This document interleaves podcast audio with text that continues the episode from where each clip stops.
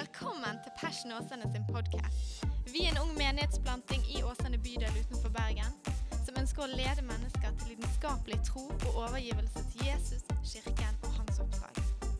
Takk for at du lytter til vår podkast, og vi håper du blir oppmuntret og utfordret i din etterfølgelse av Jesus.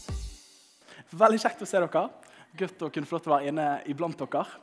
Eh, Jeg har jo vært ute med Anna. Det er jo fantastisk. Hun sover akkurat nå, så det er bra. Du, Har dere det greit? Jeg pleier alltid å si det. Jeg, hver gang jeg går gjennom prekener hjemme, så tenker jeg liksom, da, nå må du finne på noe originalt å si til å begynne med. Men jeg sier alltid så kjekt det er å se dere. Men jeg mener det. Eh, det jeg tenkte på var at jeg har gravd dypt i skapet. som dere ser. Jeg har funnet fram min hillbilly-skjorte, så jeg er klar for ferie. Eh, klar for å dra opp på hytten, klar for å være oppe i gresset og hoppe i høyet. Så det blir veldig fint. Det ser i hvert fall litt sånn ut. Men jeg, eh, jeg har et budskap i dag til dere. Er dere klar? Du, Noen ganger så har du en preken fordi du er nødt til å ha en preken. Noen ganger så bærer du noe på innsiden. Og det jeg skal snakke om i dag, opplever jeg å være et ord eh, som jeg har båret i min ånd i ganske lang tid. Og som endelig inn mot gudstjenesten her, så tenkte jeg er det ett ord inn mot for mitt liv, men òg for Passions og fellesskap, så vi kan få lov til å ta med oss inn i sommerferien. Så måtte det være det her, da. Så det at du kan få lov til å være med meg til Joels bok. Joel i Det gamle testamentet, på side 676 hvis du har samme bibel som meg. Og Vi skal ta en liten spin-off herifra. Jeg har vært eh, syk hele uken, så stemmen min er litt som både og. Prøvde å synge med på Amazing Grace. Det er jo liksom favorite-låten. sa det til Mathias i sted. Så jeg bare, This is amazing grace!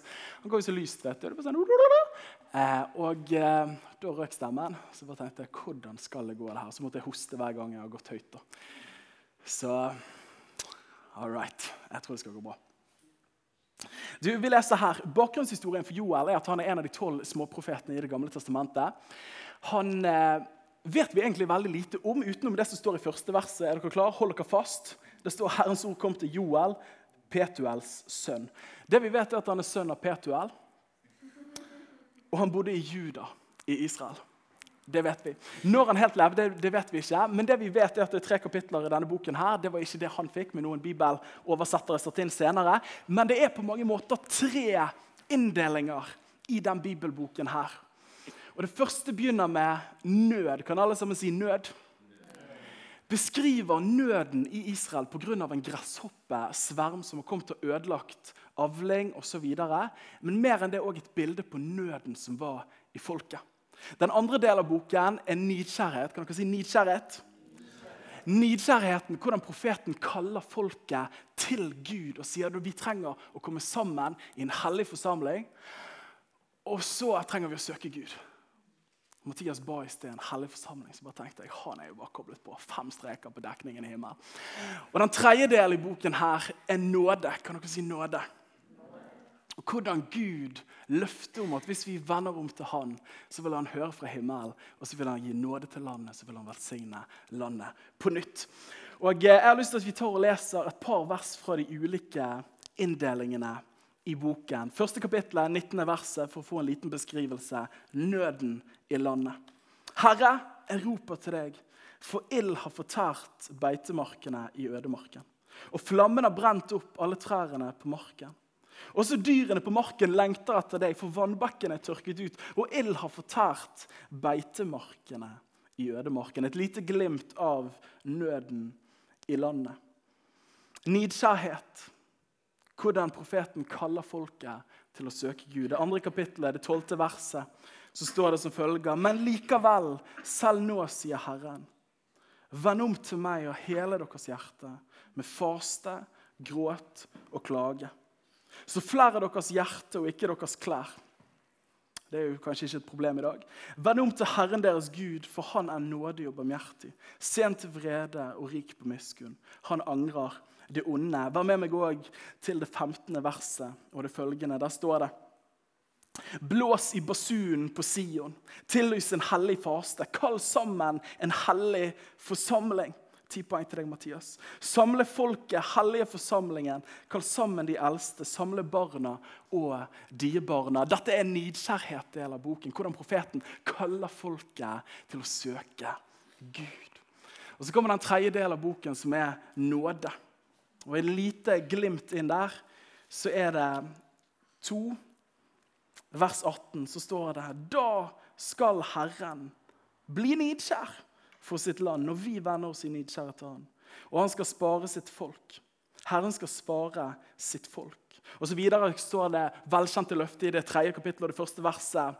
Deretter skal det skje, jeg skal øse ut min ånd over alt skjød. Deres sønner og deres døtre skal profetere. Deres gamle menn skal ha drømmer, og deres unge menn skal ha syner. Også over slavene og slavekvinnene skal utøse min ånd i de dagene. Bare for å gi et lite glimt, Jeg anbefaler å lese den boken når dere kommer hjem. En fantastisk bok. Masse masse dyrebare åpenbaringer der.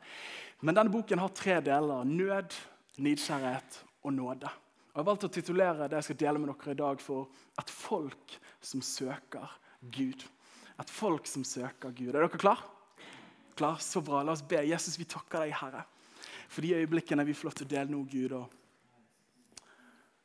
Herre, jeg kjenner Gud inn mot det ordet som vi, som vi skal få lov til å dukke inn i nå. Så, så er det ikke bare en ny tale, Gud, men jeg opplever at dette er et budskap. her. At det er noe du ønsker å tale til, til oss som kirke, Passion, men òg som oss her, som ditt folk i Norge, i Vestlandet, på Vestlandet, i Bergen, Herre. Og ber deg, far, om at du rører våre hjerter. Måtte det bli mer enn ord, måtte det være ånd, Herre som bærer frukt, Herre. I ditt gode navn, Herre. I ditt gode navn. Amen. Jeg begynte å dra på leir da jeg var ganske liten. Jeg er en leirgutt. Ser på meg sjøl som det. Jeg eh, husker faktisk første leiren min. Det var Korviken i Setervika. Kanskje bare jeg og Helen her inne som har vært på det. Men jeg gikk på barnekor faktisk akkurat her. Husker pleide vi, vi, pleide å stå i trappene her. Og så pleide André å ha et udyr av et piano med en sånn teknoboks. vet du, Det var jo alle 1970-tallet. Og Så trykte han på knapper der, og så var det rytmeboks. Og så bare kom det alle slags toner ut, og vi sang av fulle halser. Og så sto eh, Annelise og dirigerte oss. Så det var bra. Og jeg husker vi sang eh, 'To små fisker, fem små brød'. To små Nei. Eh, vi sang den. Jeg husker jeg var i Setervika. Etter hvert når jeg ble eldre, så var det nye Vikner i Kanalu ungdomsarbeidet som følte jeg var med i en mannsalder. Og I løpet av disse vikene og de ulike turene og senere gjennom andre kristne arrangementer så ble jeg bekjent med et begrep ganske tidlig som var PT. Og Det var ikke personlig trening, selv om flere av oss hadde sikkert hatt behov for det. Men det var PT, personlig tid med Gud. Og når jeg satt og forberedte denne preken her, og jeg leste Joels bok, så slo det meg at, at den treinndelingen, nød, nidkjærhet og nåde, har jeg opplevd mye pga. den personlige tiden med Gud som jeg fikk en smak på på disse vikene, og som etter hvert begynte å bli en av bjelkene i livet mitt. At jeg har fått lov til å oppleve det, at Når jeg har kjent på nød i livet mitt, vanskeligheter på ulike områder, så har jeg fått lov til å venne meg til Gud i nidkjærhet. Herre, jeg trenger at du griper inn! Og så har jeg opplevd at han svarer, at han kommer med nåde der det har vært synd, at han kan komme med gjenoppreisning der det har vært sår osv. Og, og fått lov til å oppleve dette profetens budskap på et personlig plan. Da. I møte med frykt, i møte med relasjoner, i møte med veivalg i livet. Fått lov til å oppleve at man kommer i nød, venner til Gud i nidkjærhet, og så svarer han fra himmelen. Og jeg er sikker på at Vi kunne hatt en hel kveld her, og vi hørte under vitnesbyrden i sted hvordan vi har utfordringer, venner oss til Gud, og så griper han inn. da. Men mer enn å bare søke Gud på et personlig mikroplan. Og få erfare at han handler så underfullt med oss, som profeten Joel sier. Er det, kan det være sånn at du og meg som Guds folk er skapt for mer enn bare PT? Personlig tid med Gud. Men er, kan det være at vi som etterfølgere av Jesus er skapt for å søke Han for et større bilde? Det har jeg lyst til at vi skal dykke litt inn i akkurat nå. Første overskriften er, som dere forstår, jeg elsker bokstavrim, det er nød. Vi leste i første del av Joel at det var en stor nød i landet pga. gresshoppene. og det de hadde gjort. Og Dette var billedlig for den nøden som israelsfolket faktisk befant seg i. Og Når du leser Israels historie, så går det igjen at i ulike tider så var det en nød som slo inn i folket. Først og fremst en åndelig nød, at de var fattige i sin relasjon til Gud. Men det forplantet seg ut i en moralsk nød, at man ikke hadde normer og verdier som man levde etter. Og folket fant på all slags mulig fyrverkeri, tull og tøys. Og så var det òg en sosial nød, fattige. Og så var det en økonomisk nød, osv. Og Når jeg leser Joels bok, så kan jeg tenke at dette var en interessant liten småprofet. Fett navn. Kunne tenkt meg å kalle sønnen min det en gang. Men mer enn det så tror jeg òg at det er et tidløst budskap i denne boken her til oss som etterfølger av Jesus i dag. da. Og Titter vi rundt oss i dag, så er ikke det sånn at nød er et fremmedord. Ser vi rundt oss i dag, så er nød i aller høyeste grad håndpåtagelig, synlig og tilgjengelig. Og når jeg satt og forberedte denne preken, her, så tenkte jeg tilbake på det århundret som vi har bak oss, det 20. århundre. Vi har de to blodigste historiene i menneskets historie. To blodigste historiene i menneskets historie. Det var mye historie der, men vi har to forferdelige historier. Første verdenskrig så er det, for å fortale rett, så var det 18 millioner mennesker som ble drept. Tenk på det. 18 millioner. Og 23 millioner mennesker som ble såret. Det er bare helt svimle tall. Og så tenker du at der er nå i hvert fall punktet. Menneskeheten lærte. Og Så går det knapt 20 år. Og så har du andre verdenskrig, som er den mest dødelige katastrofen i menneskets historie noen gang. 60 millioner mennesker bøter med livet sitt pga. noen enkeltmenneskers galskap. Og Det tilsvarte 3% av verdens befolkning på det tidspunktet. Det er helt sinnssykt. Det er nød. Så du skal ikke se langt tilbake. Går du inn i den mørke middelalderen, så er det så mye nød at du trenger en lommelykt å lese med bare for å få et lite lysglimt. Og Ser du rundt i verden i dag, er dere klar for litt statistikk? Ser du rundt i verden i dag, så er nesten halve verden, over 3 milliarder, lever på mindre enn 2,5 dollar per dag, altså 20 kroner. De fattigste 40% av verdens befolkning står for 5% av den globale inntekten mens den rikeste 20% står for 75% og Dette er ikke Arbeiderpartiet sitt partiprogram. Ingen interesse for å fremme det i kirken. Men dette sier noe om nøden i verden.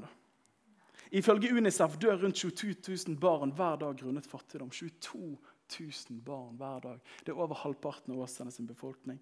121 millioner barn har ikke tilgang på skolegang. Opp mot 1 milliard gikk inn i det 21. århundret uten å kunne lese en bok og skrive sitt navn. 1,1 milliarder utviklingsland mangler tilfredsstillende vanntilgang. Ca. 40 millioner lever med aids og hiv. Og hør på det her, Ca. 15 millioner barn er foreldreløse i dag pga. foreldrene har dødd av det. Det er like mange barn som det bor i Tyskland og Storbritannia til sammen. Og Ifølge FNs internasjonale arbeidsorganisasjon var det i 2016 40 millioner fanget i slaveri, og en fjerdedel av de er barn. Og titter vi litt inn i Norge òg Ulikhetene vokser mellom fattig og rik. Mellom 5 og 12% i Norge er relativt fattige. Folkehelseinstituttet viser en rapport fra 2011 at 90 000 barn har minst én forelder som misbruker alkohol. Og 410 000 barn har en forelder som sliter med en psykisk lidelse. Og dette er veldig triste tall, og det er ikke mulig at det ikke går inn på oss. Bufdir viser til at 21% av dagens ungdom har opplevd vold fra foreldre i oppveksten. 6% har vært utsatt for grov vold. 8% har opplevd vold mellom foreldrene. Og kanskje det mest hjerteskjærende i møte med vårt eget land er at Redd Barna Norge sier at rundt 20-36% av norske kvinner og 7-13% av menn i Norge har opplevd seksuelle overgrep som barn. Forferdelig statistikk. Og vi kunne egentlig bare stoppe tale her og bare grått ut til Gud. altså. For dette er ikke greit. Og Ut fra et kristent ståsted så er disse statistikkene, de tallene her, det er jo bare et symptom på det viruset av synd som har kommet inn i skapelsen og inn blant mennesker.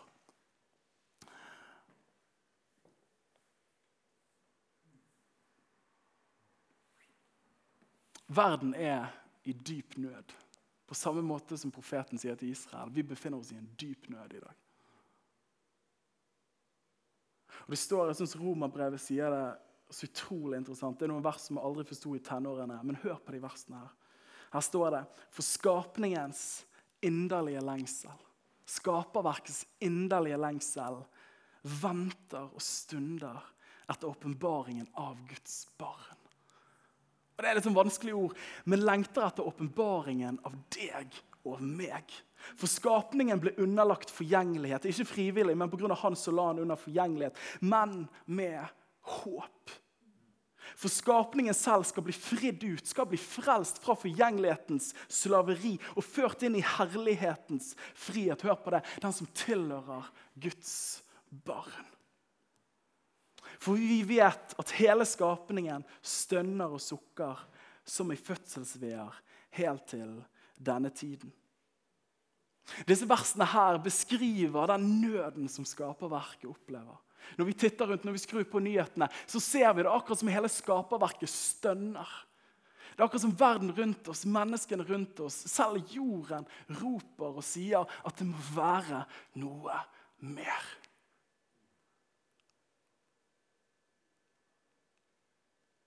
At sånn som ting er nå, kan det ikke forbli. Og Når man snakker med folk som ikke har en tro eller en tro på Gud, eller noe sånt, så snakker man likevel om en dag når jeg kommer til himmelen. Jeg håper en dag så skal det bli forandret. Hvorfor det? For at mennesker vet at det finnes noe annet.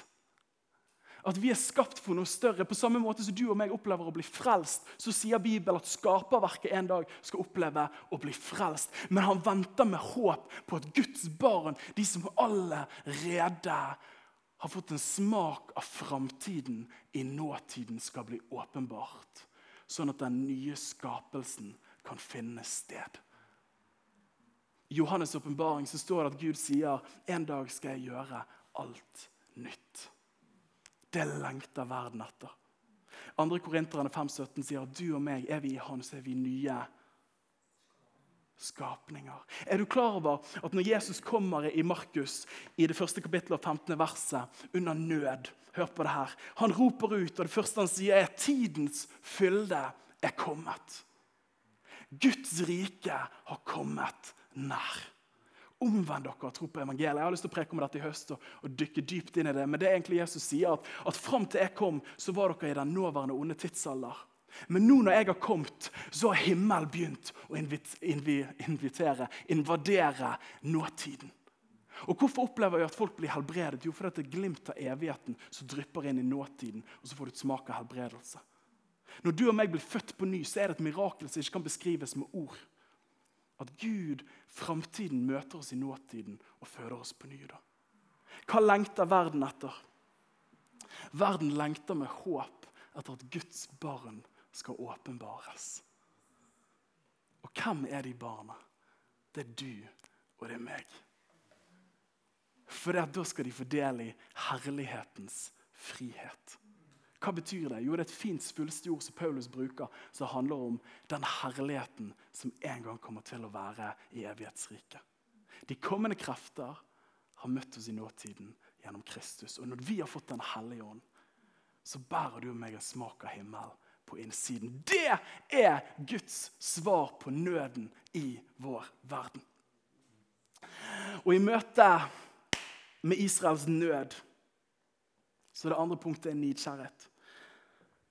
Så kommer profeten, og så kaller han folket til nidkjærhet. Han kaller folket til å vende om til Gud og søke han.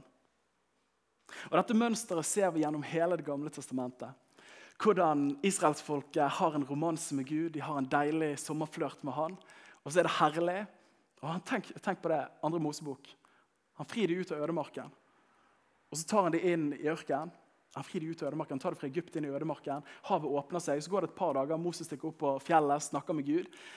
Og så sier de du, han der Moses, han der Gud, hvem er vel egentlig du? Du, La oss fikse ringene og gulltingene våre, så lager vi en gullkalv. Og så tilber vi han da. Israelsfolket har aldri lange epoker de klarer å følge Israels Gud. Det kommer stor nød, de søker han, Gud er nådig, og så glemmer de hvor god han var, og så er de tilbake igjen i hele greiene. da. Og Når jeg snakker om det å søke Gud i dag, så snakker jeg ikke om det vi leser om i dommerne og kongebøkene. først og fremst. For de hadde ikke makt til å leve ut det livet. da.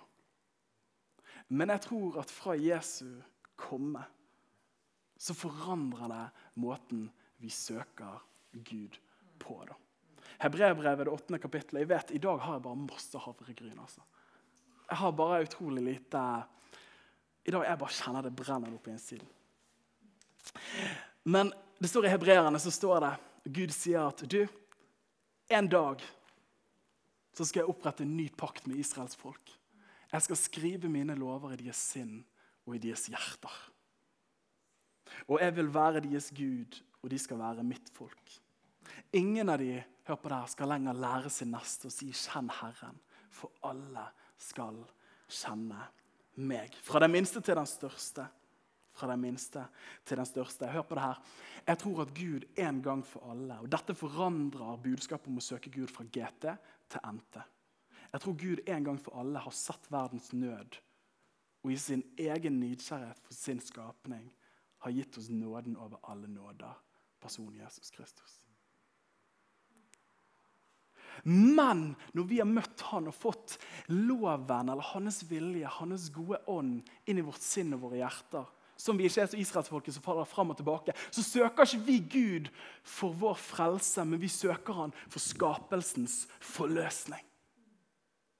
At Tidligere, når folket sto her og Gud var der, så ba de om frelse, sin egen frelse.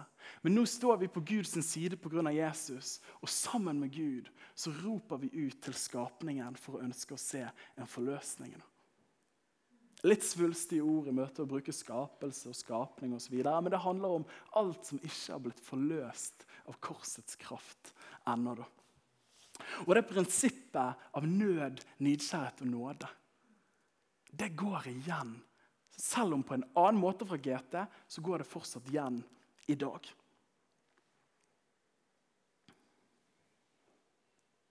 Tenk på de første disiplene, apostlenes gjerninger. Det var en, fattig, en åndelig fattigdom, det var en nød. Så ber de i Israel, de ber i øvre sal, i nidkjærhet til Gud. Og så kommer Den hellige ånd. Han faller. Og Gud griper inn. I kapittel 4 ser vi det samme. Jeg vil bare at dere skal se det mønsteret. I kapittel 4 så har Peter og Johannes blitt kors, ikke korsfestet, det var hissig, men de har blitt tatt av eh, øversteprestene og de har blitt forfulgt og pisket. Så kommer De de opplever nød og forfølgelse, så kommer de sammen til kirken. og Så står det de ropte ut til Gud. Og På nytt faller Den hellige ånd, og stedet begynner å riste, og folk begynner å bli frelst. Er du med? Ser du mønsteret? Ser du mønsteret? Ser du opp gjennom kirkehistorien? Når katoliseringen kommer, Konstantin kommer, kirken går til å bli en skygge fra seg sjøl og bli en politisk makt istedenfor en åndsbevegelse, så blir kirken så åndelig fattig. Det er så nød der. At det er noen ørkenfedre, noen klostre, noen munker som trekker ut i ødemarken. Jeg er nidkjær. Gud, se i nåde til oss. Og så kommer Gud og griper inn. da. Og dette er menneskets historie. Drar du til Tyskland et sted som het Saksen, så var det en som het Niklas så var det en som het Nicolas Ludvig von Sinsendorf. Heftig navn, vet du. Kunne aldri kalt mitt barn det. Respekt hvis du gjør det. Eh, men han var en greve, han hadde en stor eiendom. Og så var det noen, en religiøs minoritet, noen kristne som ble forfulgt. Og så spurte de om de kunne få lov til å bo på området hans. da. Og Han var en gudfryktig type, så han sa alle sammen kom til meg. det er helt greit. Og Så kom de til han, og så var det masse krangling innad der. og Det var skikkelig mye tumult der. Det var stor nød. da. Og hva er det som skjer? Jo, Etter hvert så tar han lederskap, og en dag så feirer de nattverden sammen. Det skal vi begynne å gjøre mer i Passion. Så feirer de nattverden sammen. Og så beskriver jeg det sånn at det var akkurat som det kom en pinsedag der. Så falt Den hellige ånd, og resten av historien. De ble kalt Herrenhutterne, eller The Moravians. Og De startet et bønnemøte i 1727. Og Det bønnemøtet varte i over 100 år. Og i 1791, 65 år senere, så hadde de sendt ut 300 misjonærer. Og På den tiden i Europa så var det ingen som sendte ut misjonærer. Det var før William Kerry og den moderne misjonsbevegelsen. som vi hørte om. Før han, De søkte Gud, og de måtte bare ut. Er du med meg? Det var stor nød, de søkte Gud, og så kommer Gud med nåde. Og så forandrer det verden. da. Og tenker Du skal ikke titte veldig langt ut fra vårt eget land engang. Hans Nilsen Hauge lurer på om det var 1791. Han går og trasker og synger 'Jesus, din søte forening og smake'. liksom. Andre verset så kommer det lyn fra himmelen, sier han, og så kommer Guds kjærlighet til fyller hans hjerte. Og så blir han løst. Og Så reiser han rundt og strikker som er verdens beste strikker. Og så sier han her trenger vi å bygge litt sånn saltverk. Og så forresten har du hørt om han Jesus Kristus. Og så bare eksploderer Vestlandet, men òg store deler av Norge. Hva er det som skjer der? Bedehusbevegelsen vokser fram fra 1850-tallet. Vi snakker om et sted mellom jeg tror, oppunder 6000 bedehus i Norge på høyden. Hva skjer? Jo, det var en stor nød. og Før Hans Nielsen Hauge så var Norge en av de lavlinjelandene i Europa. Og så er det en stor nød, så er det en som søker Gud. Og så hører Gud, og så reiser han opp en bevegelse. Og er du klar over det at Arbeiderbevegelsen løftes jo veldig opp. Men den haugianske bedehusbevegelsen er en av de største årsakene til at Norge er så bra som det er i dag. Glemt i historiebøkene med Frank Aarebrot. Han sa det. Så det og jeg tenker på det huset vi er her, et bedehus. Vi elsker bønnebevegelsen i dag, men det er noe med det at Guds folk, når de har kommet sammen i nidkjærhet til Gud, så har Gud svart, og så har han rørt landet. da. Jeg er giret, folkens. Historien vitner om det her, at Gud tar alltid de få for å velsigne de mange. Og Ikke det at Gud er eksklusiv, at han sier at jeg har et A-lag, men han sier at jeg fyller en liten gruppe med min ånd, og så sender jeg de ut for at de skal få lov til å velsigne de mange. Kirke på gresk betyr eklesia. Reidar Paulsen vet du, lærte meg det når jeg var tre år gammel. Og så han, Daniel, kirke, det er eklesia. Så det sitter med meg. Og eklesia betyr kalt ut. Det betyr at vi få er kalt ut for å møte Gud og befølge Hans herlighet, herlighetens frihet. For så å bli kalt inn igjen. For at skapningen kan få et glimt og en smak av den kommende tidsalder, evigheten, gjennom kirke. Det er gode nyheter. Det er gode nyheter. Som etterfølger av Jesus så er vi kalt til å være et folk som søker Han. Det står i Haggai, det andre kapittelet og det syvende verset, så står det at alle folkeslags lengsel er han. Det høres bedre ut på charismatic English. The desire of the nations er Jesus Kristus. Men én ting, og her er noe av hjertesukket. Hvis vi er Guds håpsplan for denne skapningen, så trenger vi å ligne mer på Han enn det vi ligner på resten av skapningen.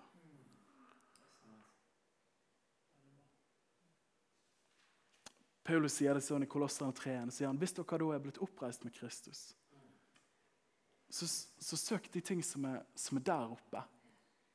Der Kristus sitter ved Guds høyre hånd, har sinnet rettet mot de ting som er der oppe, ikke mot de ting som er på jorden. Og Jesus sier de velkjente ordene i Matteus 6,33.: Søk først Guds rike. Søk først det evige hjemmet som dere en dag skal til. Og hans rettferdighet, der rettferdighet råder. Der alt er rett, der det ikke er en tåre som triller lenger. Søk først den virkeligheten, for når du gjør det, så bringer du det tilbake inn i denne virkeligheten.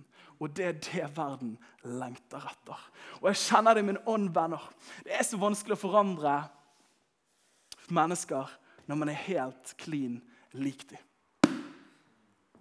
Det er det, og det Jeg preker til meg sjøl her i dag, men jeg preker til oss som kirke. Og jeg tror at dette er et budskap til Guds folk i Norge. Jeg drømmer om en kirke som søker Gud. Jeg drømmer om en kirke som søker Gud. Jeg drømmer om en kirke der kirken ikke er historien om alt mulig annet, men kirken er historien om Jesus. Jeg drømmer om en kirke som ikke er kjent bare for at vi har en veldig god speider her i kirken. Det er fantastisk, vet du. Her kan du gå fra spurv til løvunge, liksom. På et halvt år hvis du er virkelig engasjert. sant? Eller at liksom, ja, her i kirken så strikker vi. vet du. Vi strikker og vi broderer, og det er herlig. vet du. Det har alltid vært så herlig her i kirken. Og vet du hva, jeg er kaldt, vet du. Når du tror på Jesus, er det kaldt å spise mariekjeks og husholdningssaft. vet du. Det er herlig, vet du. Kirkekaffe. Sånn at jeg drømmer om en kirke som er mer enn det. Jeg drømmer om en kirke som virkelig er mer enn det. Jeg drømmer om en generasjon kristne som sier vet du hva, denne boken her, Denne boken her er ikke bare en fin, fine gudsord som er skrevet ned, historiske betraktninger. og Det er noen fine ord inni der som vi tar med av og til. Og det er kjempeflott. og Vi kan lese det i begravelser og sånt, at den siste døden Siste fienden er døden, og den vant Jesus over. Halleluja. Men resten av boken det blåser i. Vet du hva, Jeg drømmer om folk som tar denne boken her og sier i ydmyk avhengighet til Jesus. sier, Herre, jeg tror at dette er ditt ord. Og jeg tror at dette er den dypeste sannheten. Og jeg tror at dette er manual for livene våre. Og ikke folk som blir preget av sekularisme eller liberalisme, som sier at ja, det er noe bra inni her, men ikke alt sammen. vet Du Du må passe deg for de mørke mennene som tror på alt sånt. Jeg, jeg, jeg, jeg drømmer om kan vi være mennesker som sier vet du hva, jeg tror dette er Guds ord. Hva preget de generasjonene av kristne før som forandret samfunnet rundt seg? Jo, det første, De trodde at Bibelen var Guds ord. De tok det på alvor. Det andre de trodde på bønn. Jeg drømmer om en generasjon som ber. Jeg drømmer om en generasjon som ber. En generasjon som ikke bare kommer i kirken så er bønn noen fromme formuleringer som passer inn i liturgien. 'Herre, se nåde til meg, arme synder'. liksom. Men jeg drømmer om mennesker som sier vet du hva? Jeg forstår kanskje ikke alt som har med bønn å gjøre. Men jeg tror at historien formes og eies av de som ber til historiens Gud. Tenk om vi kunne være en sånn kirke. Tenk om vi kunne være et sånt folk som vet du hva, la oss be sammen. Når kristne kommer sammen, så er ikke du den ene som sier du skal vi ta og be sammen. Alle bare, hva feil er det liksom? Det er jo ikke gudstjeneste. Men at det er naturlig å be til Gud sammen. At historien om bønnesvar får leve iblant oss. Ja, men jeg har ikke den største historien. Han er Martin. Han ser alltid folk bli helbredt. Jeg gidder ikke å fortelle om det jeg ser. Du, slutt å tøyse! Du eier et vitnesbyrd, du eier en historie. Måtte vi være sånne folk som tror på kraften i bønn. Det tredje hva preget de folkene som har gått før oss? Kirke. Og jeg vet, jeg er veldig snill. Nå høres veldig intens ut, men jeg er veldig snill. Men kirke, jeg drømmer òg om at kirke Tenk om vi kunne ligne på de andre der kirke ikke er en fritidsaktivitet. Jeg strikker. Det har vært mye strikking i dag. Jeg kjører båt, jeg spiller golf, og så går jeg i kirka av og til. Det er ikke det kirke er ment å være. Jeg drømmer om at kirke, og det Bibelen løfter det opp som, er at kirke er ikke en valgmulighet. Det er livet ditt. Det, det er ikke en aktivitet jeg gjør, men det er en identitet jeg har. Ja, Men det passer ikke å gå i kirken. Og nå snakker jeg ikke at det finnes unntak. Men at kirke blir huset, hjemmet, familien som vi lever ut ifra. da. Ja, men jeg har det vanskelig. Ja, men Da drar jeg til kirken. Ja, men det er noen folk som er litt krevende. Ja, men Så gå og snakk ut med dem da for Guds skyld.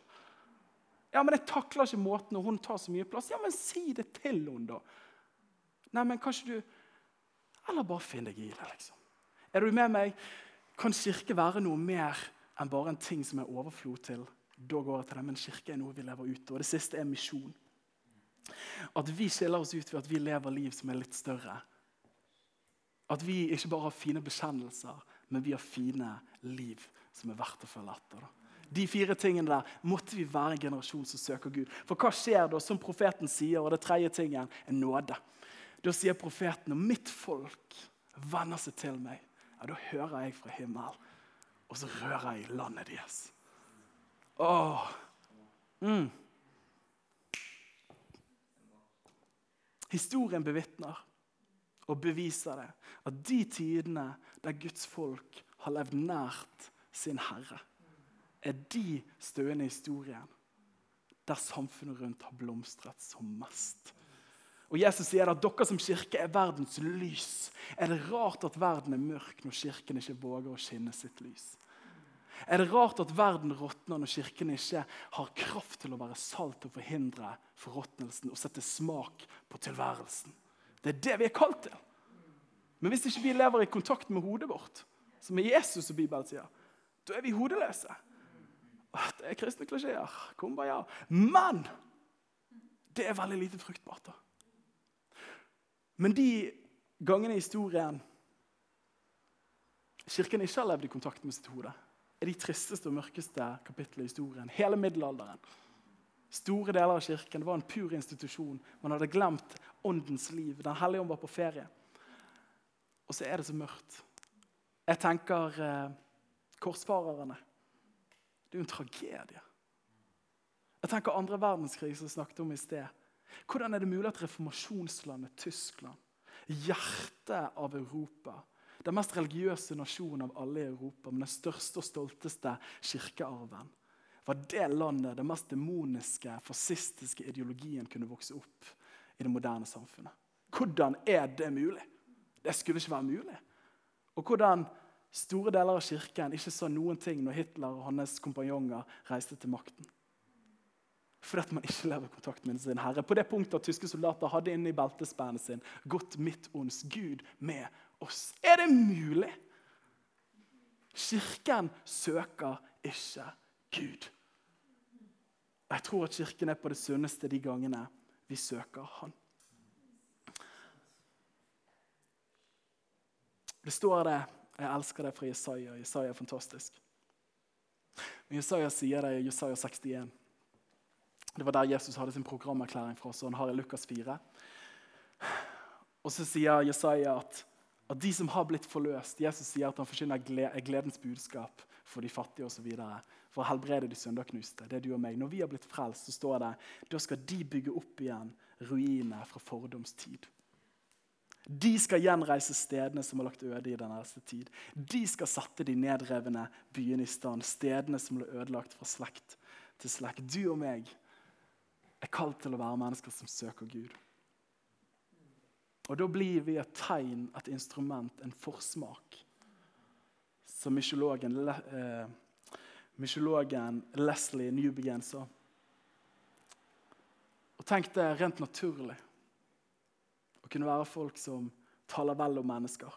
Viser kjærlighet, bryr oss om de utslåtte. Holder ekteskapene våre. Lever etter andre verdier, taler vel, gir raust det vil bli lagt merke til. Og rent overnaturlig òg. Tenk om vi kan være de som helbreder mennesker. De folkene som bærer en smak av en, av en framtidig himmel. Og gir folk en glimt, en smak av det. At de som er bundet, blir løst. De som har hatt mareritt, forsvinner. En traumatisk barndom får en berøring av Guds kjærlighet. Og folk blir løst. Folk kommer til tro. Jeg lengter etter det. Gud kommer med nåde til verden. Jeg skal gå inn for landing her. Dere har fått masse lidenskap i dag. Men det er én person jeg har lyst til å løfte opp, og det er profeten Daniel i Det gamle testamentet. Når han var 16 år gammel, cirka, så ble han bortført til Babylon. Israel ble ruinert, tempelet ble ødelagt, og tok de, noen av de smarte guttene fra Israel til Babylon og ville ha de i tjeneste for seg, kongen. Og så står det om Daniel. Hør på det her. At det er deilig, vet du. Han sier, men Daniel satte fore i sitt hjerte at han ikke ville gjøre seg uren med den del han fikk av kongens lekre retter. Og ikke med den vinen kongen serverte han. Hva prøver jeg å si her? Jo, Han ble bortført til en helt annen kultur. Til en helt annen åndsstrømning. Helt andre verdier, ideologier, politikk.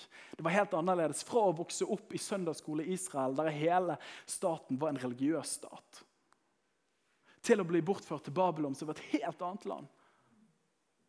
Og så står det at når han ble bortført der, så satt han fore sitt hjerte, 16 år gammel mest sannsynlig.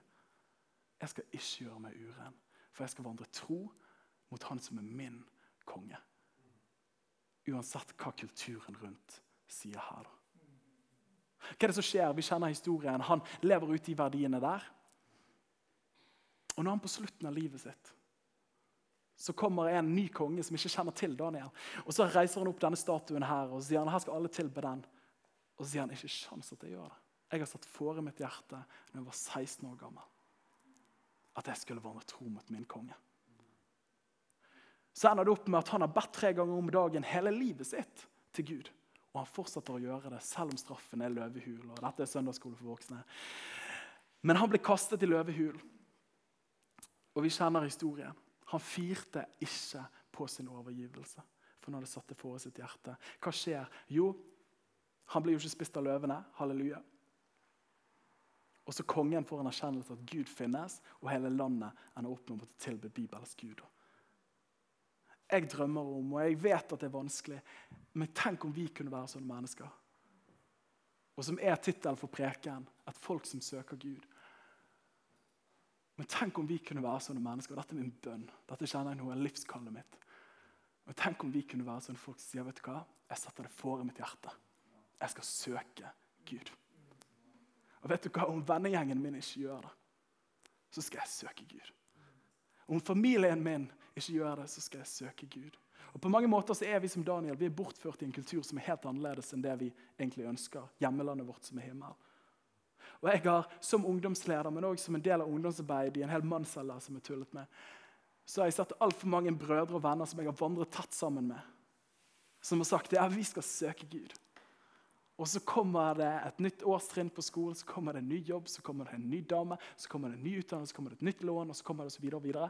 Og så forsvinner beslutningen i hjertet fordi at omstendighetene griper deg. da. Jeg lengter, og jeg tror at det er en av hovedgrunnene til at, at folk At nøden er så stor rundt oss òg, er pga. at kirken ikke det er det kirken er ment å være. Og hva er kirke for noe? Det er mennesker, det er du og meg. Så det er ikke det at en pastor har gjort en dårlig jobb. på ingen måte. Pastorer, Vi må være snille med dem. La oss gi dem litt pause. Det er vi som er kirken, alle sammen. Det tyder på at vi som Guds folk ikke har tatt det valget at vi skal søke Gud. Kan vi være sånne mennesker? Jeg tror at kirken sin framtid i Åsane, i Bergen, i Norge er lysere enn noen gang. Men hvis vi søker Gud, så tror jeg at det skjer ting. Det står om kong David. Hør på det her. Måtte dette bli en sånn her mission statement for livene våre? Det står om kong David i det 13. kapittelet i Apostlenes gjerninger. Så står det at for etter at David hadde tjent sin egen generasjon etter Guds vilje, så la han seg til ro hos sine fedre. Tenk å tjene Guds vilje i sin generasjon. Åh, Du kan bare smatte på de ordene der. Tenk å kunne si når du er 70-80-90 år jeg tjente hans hensikt i min generasjon. Det er min bønn, det er min lengsel. For hvis da mitt folk, sier det i 2. krønikebok 7,14, er kalt med mitt navn, som er kalt med mitt navn, det er du og meg, ydmyker seg, ber og søker mitt ansikt og vender om fra sin onde ferd, da skal jeg høre fra himmelen. Jeg skal tilgi deres synd, og jeg skal lege deres land. Jeg skal lege deres land. Vi skal være et folk som søker Gud. La oss ta og be sammen. Mm. Påvirke vårt liv, for det første men òg våre kommende ektefeller, våre ektefeller, våre familier, våre sfærer av yrkesliv. Jeg tror implikasjonene er himmel, bokstavelig talt. Så kanskje vi, Hvis du er der og sier vet du hva, jeg har lyst til å sette foran mitt hjerte og være en som søker Gud, så Du vet hvem du er, men uh, gjerne bare løft en hånd til himmel, og så ber vi sammen. Mm. Jesus, Jesus, Jesus. Mm.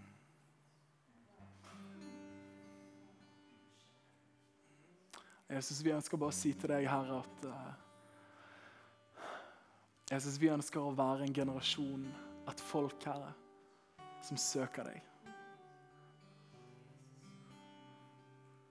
Først fordi at du er verdig. Og for det andre at verden lengter etter at Guds barn og herlighetens frihet som de eier, skal bli åpenbart. Hmm. Herre, jeg ber om at du renser oss som er ditt tempel, fra alt som du ikke har behag i. Jeg ber om at du, Jesus, går løs med pisken og, og river ut, Herre. Der det, er, der det er synd, Herre. Der det er lunkenhet, Gud. Der det er kompromiss, Herre. Herre, der det er ting vi ikke har fortalt til andre, Herre. Der vi holder igjen, Jesus. Jeg ber om at du renser det ut. Og så ber jeg om at du fyller oss og gjør oss til et bønnens hus, Herre. Sånn som ditt ord sier. Der du kan bo, Herre. Og der mennesker kan få møte deg, Jesus. Mm.